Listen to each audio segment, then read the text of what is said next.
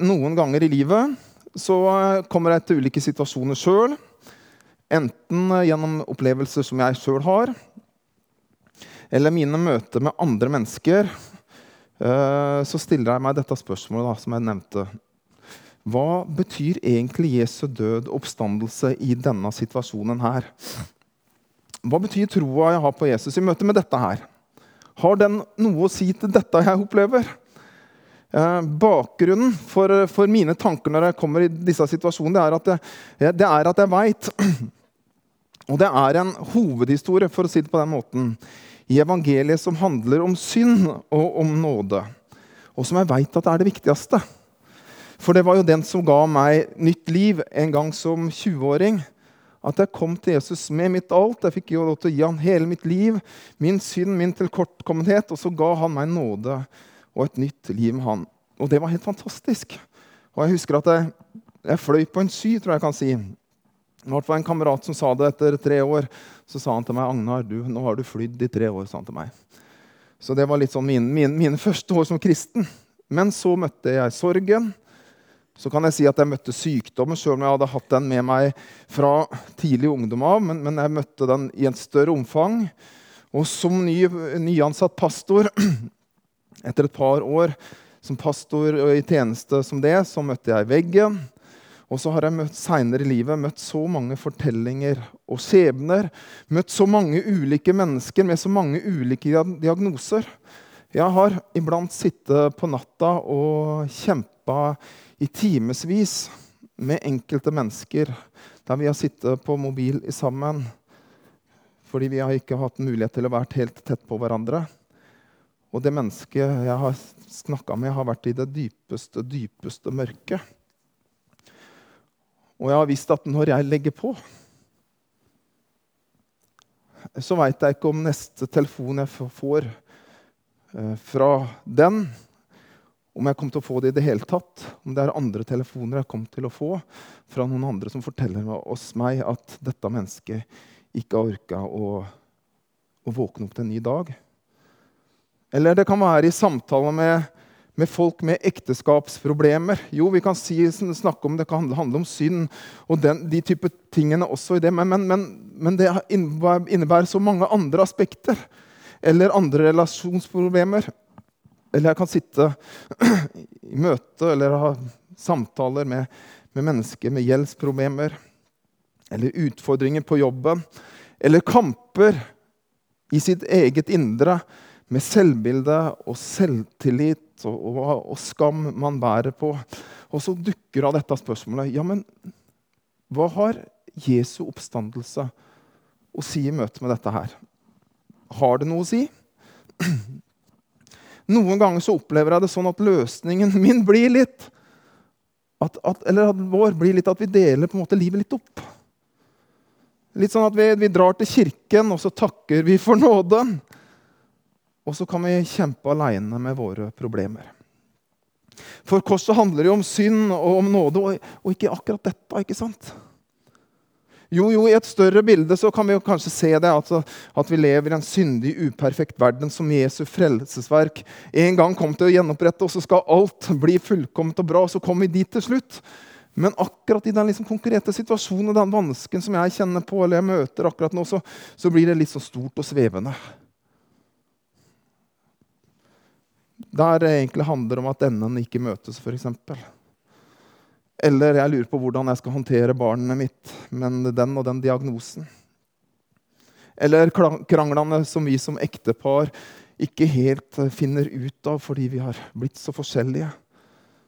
Eller det skakkjørte sjølbildet som jeg bærer på fra barndom og ungdom, og som jeg fremdeles kjemper med. Eller arbeidsforholda eller omstendighetene på jobb som jeg sliter med. Hva betyr Jesu oppstandelse i møte med det? Betyr det noe?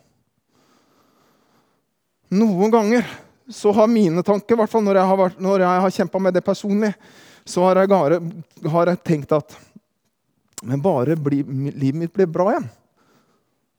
Da, da kan jeg glede meg over Jesus, da. Da kan jeg synge de sangene sånn som andre mennesker gjør, og løfte hender og fryde meg og glede meg. Men det kan jo ikke være sånn. Om det er sånn at Gud kom som et menneske til denne jorda, om det var Gud sjøl som ga sitt liv for oss, om det var sånn at det var sånn at på tredje dag så brast graven, og han sto opp, og han lever Altså at Gud sjøl dør, gir sitt liv, står opp igjen. Da kan jeg ikke fatte noe annet enn at akkurat det må ha betydning og konsekvenser for absolutt alle fasetter av livet vårt. Altså at du og meg kan komme med livet vårt akkurat sånn som det er. Med alle sine sorger, alle sine kamper, alle sine problemer, alle sine hverdagsproblemer. Og vite at det han gjorde, det har faktisk betydning for alt. Jeg har stansa ved en bibeltekst i dag som jeg har lyst til å lese for deg. Eller, eller hvis vi skal lese Nei, skal vi så Der. Han ville av gårde før meg. Det er fra 1. Korinterbrev, kapittel 15, og det er Paulus som skriver dette her. Og han, I denne teksten og hele dette kapittelet så, så snakker Paulus om oppstandelsen. og Han går i møte med dem som, som, tror ikke at det finnes noen oppstandelse. Noen tror, trodde ikke på, på Jesu oppstandelse, og noen trodde på Jesu oppstandelse, men ikke at vi som Jesus skulle oppstå. Og så går Paulus i møte med det hele og, går, og sier følgende Hvis Kristus ikke er stått opp, da er deres tro uten mening, og dere er fremdeles i deres synder. Da er også de fortapt som er sovnet inn i Kristus. Hvis vårt håp til Kristus gjelder bare for dette livet, er vi de ynkeligste av alle mennesker. Og så fortsetter han. Men nå er jo Kristus stått opp fra de døde som førstegrøden av dem som er sovna inn. Her ser det en brytning i teksten. Han funderer over at noen mener at det ikke fins en oppstandelse. Og så begynner han å skissere tegningen om hva, ja, hva betyr egentlig det hvis ikke så skjer. Jo, ja, da er vi fortapt i syndene våre. Da er vårt budskap, det vi har gitt livet vårt for å fortelle, dra rundt for å gi til andre, altså det er null og niks. Det er ingenting. Og vi som deler dette her, vi er de ynkeligste skapningene. Han sparer ikke på kruttet. Men så sier Paulus, men nå er jo Kristus stått opp fra de døde. Og så forandrer det alt. Og det er det det gjør også i livet vårt. Det forandrer alt. Jo fra bli, gå fra å være en synder til å bli tilgitt og få Guds nåde og få et nytt liv. Ja, men absolutt alt annet også. Alle detaljer i livet ditt, alle din, ditt livs områder. Så har Jesu oppstandelse og at han har oppstått, det betyr noe i møte med alt. Og jeg har lyst til å drøfte, eller løfte fram noen punkter for deg nå. Og dette her er ikke noe sånn der, Du kommer til å tenke etterpå at det, dette var jo ikke noe nytt. Ja, men Nei, det er ikke det. Men det er så stort og fantastisk å tenke på nå, når vi begynner å, vi begynner å, å oppdage det enda mer i livet våre. For det første Hvis det er sånn at Jesus har stått opp ifra graven, så betyr det at han, han er her nå. Det betyr at Jesus, han er her nå. Så når vi skal synge lovsanger etterpå, og vi skal feire nattverdig sammen, og vi skal tenne lys, så er det ikke bare med et håp om at kanskje han der oppe hører og ser. Jesus er oppstått. Det betyr at han er her, i dette rommet ved sin Hellige Ånd. Ja, vi, vi, fikk lov til å høre historien fra Kristi himmelfart nå her i stad som handler om akkurat, akkurat dette her. Han er her i hjertet til den som tror. Ja, han er til og med der når du kommer hjem. Jeg delte dette med ungdommene på, på fredag fordi at jeg og jeg har lyst til å dele med dere også liksom, hva, til å kunne si noe om min, min, egen, min, egen, tro og hvorfor jeg tror. så kan jeg si sånn, har jeg brukt mye tid som en kristen etter at jeg ble en troende, på å liksom finne fram til de logiske grunnene til hvorfor Gud finnes. Og de mener jeg er de er mange. Altså Det er bare å se rundt seg på skaperverket og tenke at ja, selvfølgelig må noen ha skapt dette. Og så kan man begynne å tenke på de store spørsmålene om ja, enten så må Gud ha vært fra evighet av, eller så må det ha vært ingenting. Altså, Hva er lettest å tro? Jo, det, det må jo være lettere å tro at det finnes en Gud, enn, enn, enn å tro at alt kommer av ingenting. Korset, at Jesus ga sitt liv for våre synder, ja, det er, det er, det er lett å forstå. Ja, ikke, bar, ikke engang et barn skal, skal gå vill, sier Bibelen. Så det er mange logiske grunner til å tro, men allikevel så er mitt enkle vitnesbyrd om hvorfor jeg ble kristen en gang som 20-åring, det var at jeg møtte Jesus. Han oppstått. Noe kom inn i dette, eller var i dette rommet der jeg tok imot det som jeg ikke kan forklare på andre ord enn at det var Gud sjøl. Og så forandra det livet mitt. Og han er her. Altså, når han gikk ut av den graven, ble løfta til himmelen, så betyr det altså i konsekvensen av det at han helt konkret er her. Ja, til og med der når du, når du kommer hjem. Og han kjenner alt om deg. Han ser inn i alle dine problemer og dine utfordringer. Og du kan få lov til å invitere han inn i alle dine vansker i livet. Når de gamle skriftene og profetene i Det gamle testamentet skulle profetere om han som skulle komme, så brukes det ulike navn på, på denne, denne, Messias som skulle komme. og Det var bl.a. at han skulle være veldig Gud og evig far. Og så, og så følger det et ord til. Han skulle være rådgiver. For et fantastisk ord. Det betyr altså at eh, når du kommer hjem til dine helt konkrete, store og små problemer, så har du en i rommet ditt, i hjertet ditt, en som er helt tett på deg, som kalles rådgiver. Det er konsekvensen av Jesus som er oppstått.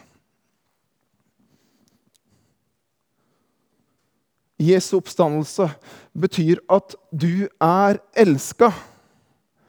Romerbrevet sier sånn at for Guds kjærlighet er utøst i våre hjerter ved Den hellige ånd, som Han har gitt oss.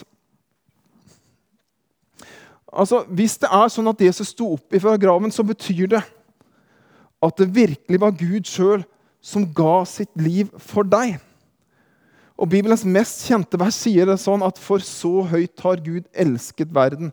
Og oppstandelsen bekrefter da altså at han elska deg til døden. Det var ikke bare sånn at det var et godt menneske som gjorde en god gjerning en gang og liksom, som en slags demonstrasjon ga sitt liv for et eller annet, og så, og så kan vi bruke det som et slags forbilde i dag. Nei. Han som har skapt deg, som veit alt om deg, elska deg så høyt at han ga alt for deg. Han ga sitt liv for deg. Kanskje du går rundt og kjenner på noen ganger at du skulle ønske mer kjærlighet for andre. Kanskje Og det er det godt å få. Og jeg tror vi, skal, jeg tror vi hele veien eh, kan bli flinkere til å, til å gi det til mennesker rundt oss. Gi av den kjærligheten Gud har gitt oss, gi den videre til, til, til andre mennesker. At vi kan prege verden og omgivelsene våre, familiene våre, om, uh, menigheten vår med, med, å gi kjærlighet videre. Og det er godt å få lov til å kjenne Guds kjærlighet gjennom andre.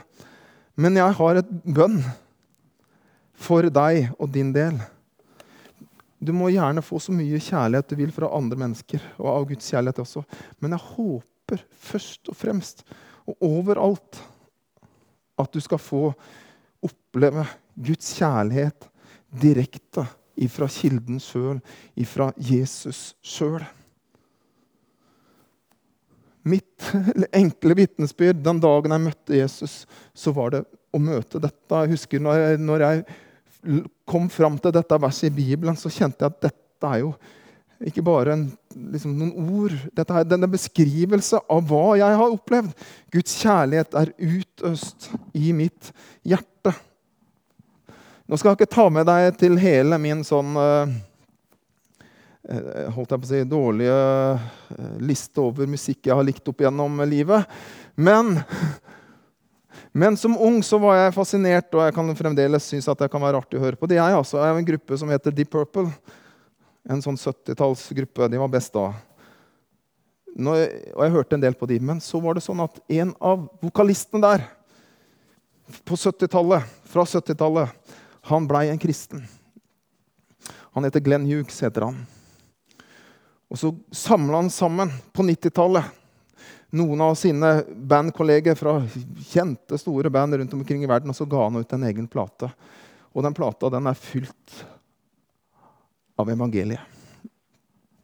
Og en av tekstene den lyder sånn I got so much love to give. og jeg kjente at yes, han har opplevd det som jeg har opplevd. Fordi at når du får lov til å møte Guds kjærlighet fra kilden, sjøl, da blir man litt mindre opptatt av å få kjærlighet fra alle andre. Og litt mer opptatt av å kunne gi den kjærligheten man har fått, videre. I got so much love to give. Jesu oppstandelse betyr at alt er fullbrakt. Jeg tenkte jeg kunne bruke noen mer moderne ord. At alt er ferdig, alt er fullkomment. Eller, eh, men det er faktisk disse ordene som blir brukt av Jesus sjøl når vi leser det i Bibelen. Når han dør på korset rett før han dør, så er det disse ordene han roper ut. Det er fullbrakt. Vi lever i dag i en prestasjonsverden. Sjøl om vi sier at verden går framover Vi kan av og til si sånn at i 2023 vi, altså, vi kan ikke tenke sånn eller være sånn i 2023. Ikke sant? Fordi vi, vi, har jo gått videre, og vi tenker nytt og annerledes. Men hvis jeg skal være kritisk, så tror jeg jeg kan si at aldri, i hvert fall i min levetid, så kan jeg, kan jeg ikke huske Eh, en tid med mer fokus på prestasjon og det å lykkes og det å bli sett enn det vi opplever i dag. Og for dere som har fulgt litt med på eh, landsmøtene som har vært i, Det har vært litt flere landsmøter den siste tiden, men, men KrF sitt landsmøte så, så holdt Olaug Bollestad, som flere av oss kjenner, som tilhører Baptistkirka på Ålgård Hun holdt en tale der hun virkelig ropte ut et varsko for, i, for, i, forhold til dagens ungdommer om akkurat dette her. Dette store fokuset på prestasjon og på lykkes og bli sett og på idealer man ikke klarer å leve opp til. Og hun satte et stort fokus på oss på, på, på tiden i dag. Og det er jo klart at dette fokuset også preger oss ja, og til og med vårt forhold til Gud. Og at det berører vårt selvbilde og identitet. Men om Jesus sto opp fra graven hvis det, er, hvis det er sant, så er det sånn som det står i hebreerbrevet her, at Jesus ikke med blod av bukker og kalver, men med sitt eget blod gikk han inn i helligdommen en gang for alle og kjøpte oss fri, ikke for en viss tid, men, men for alltid.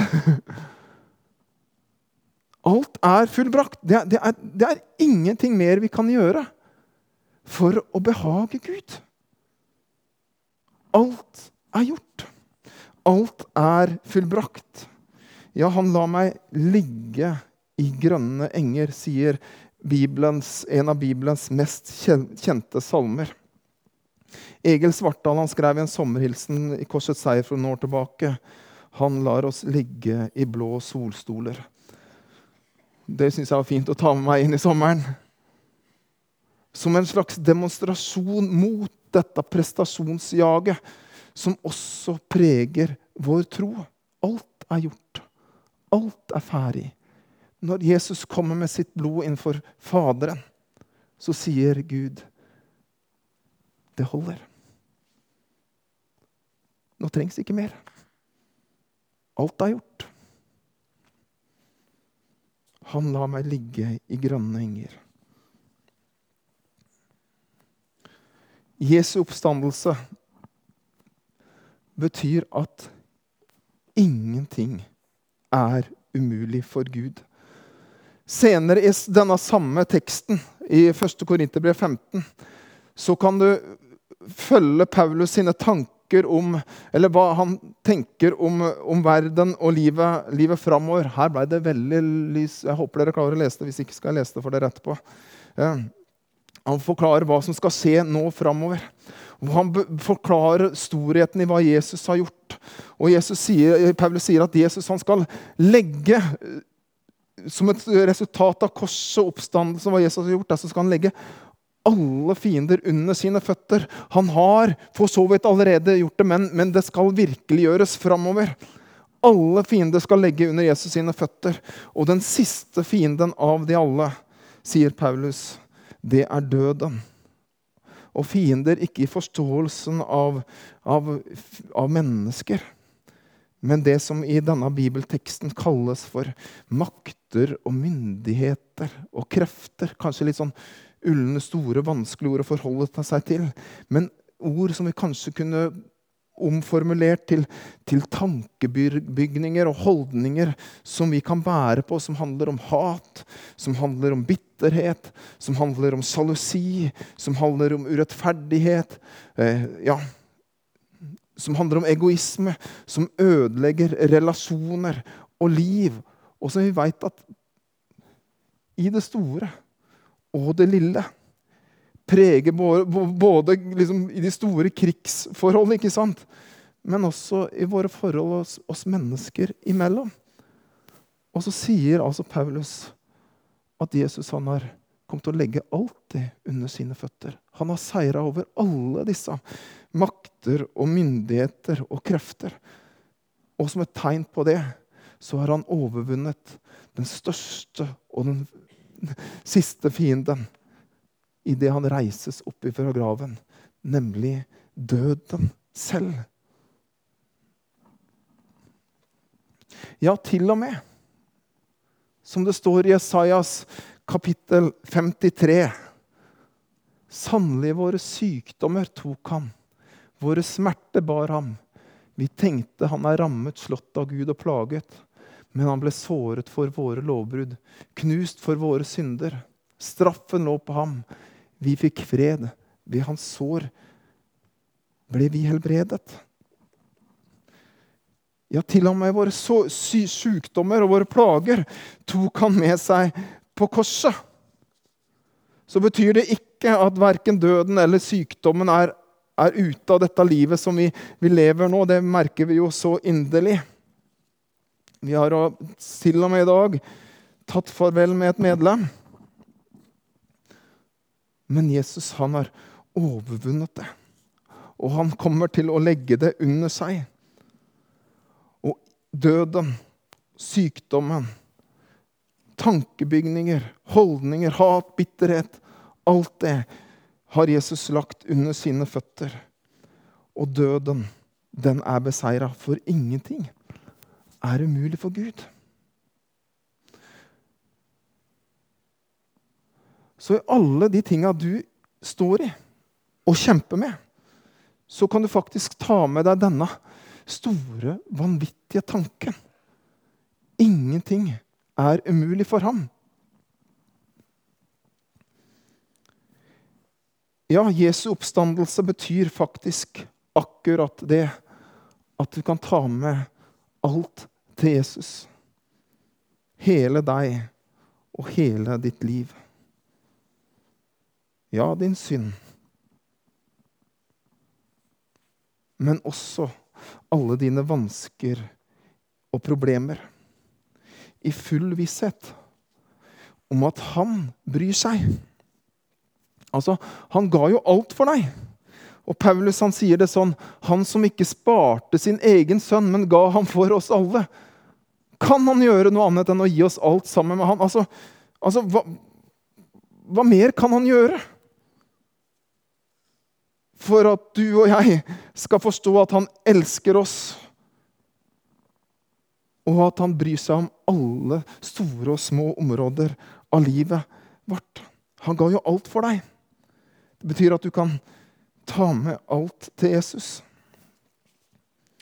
Jeg veit ikke hvilke tanker du kom hit med.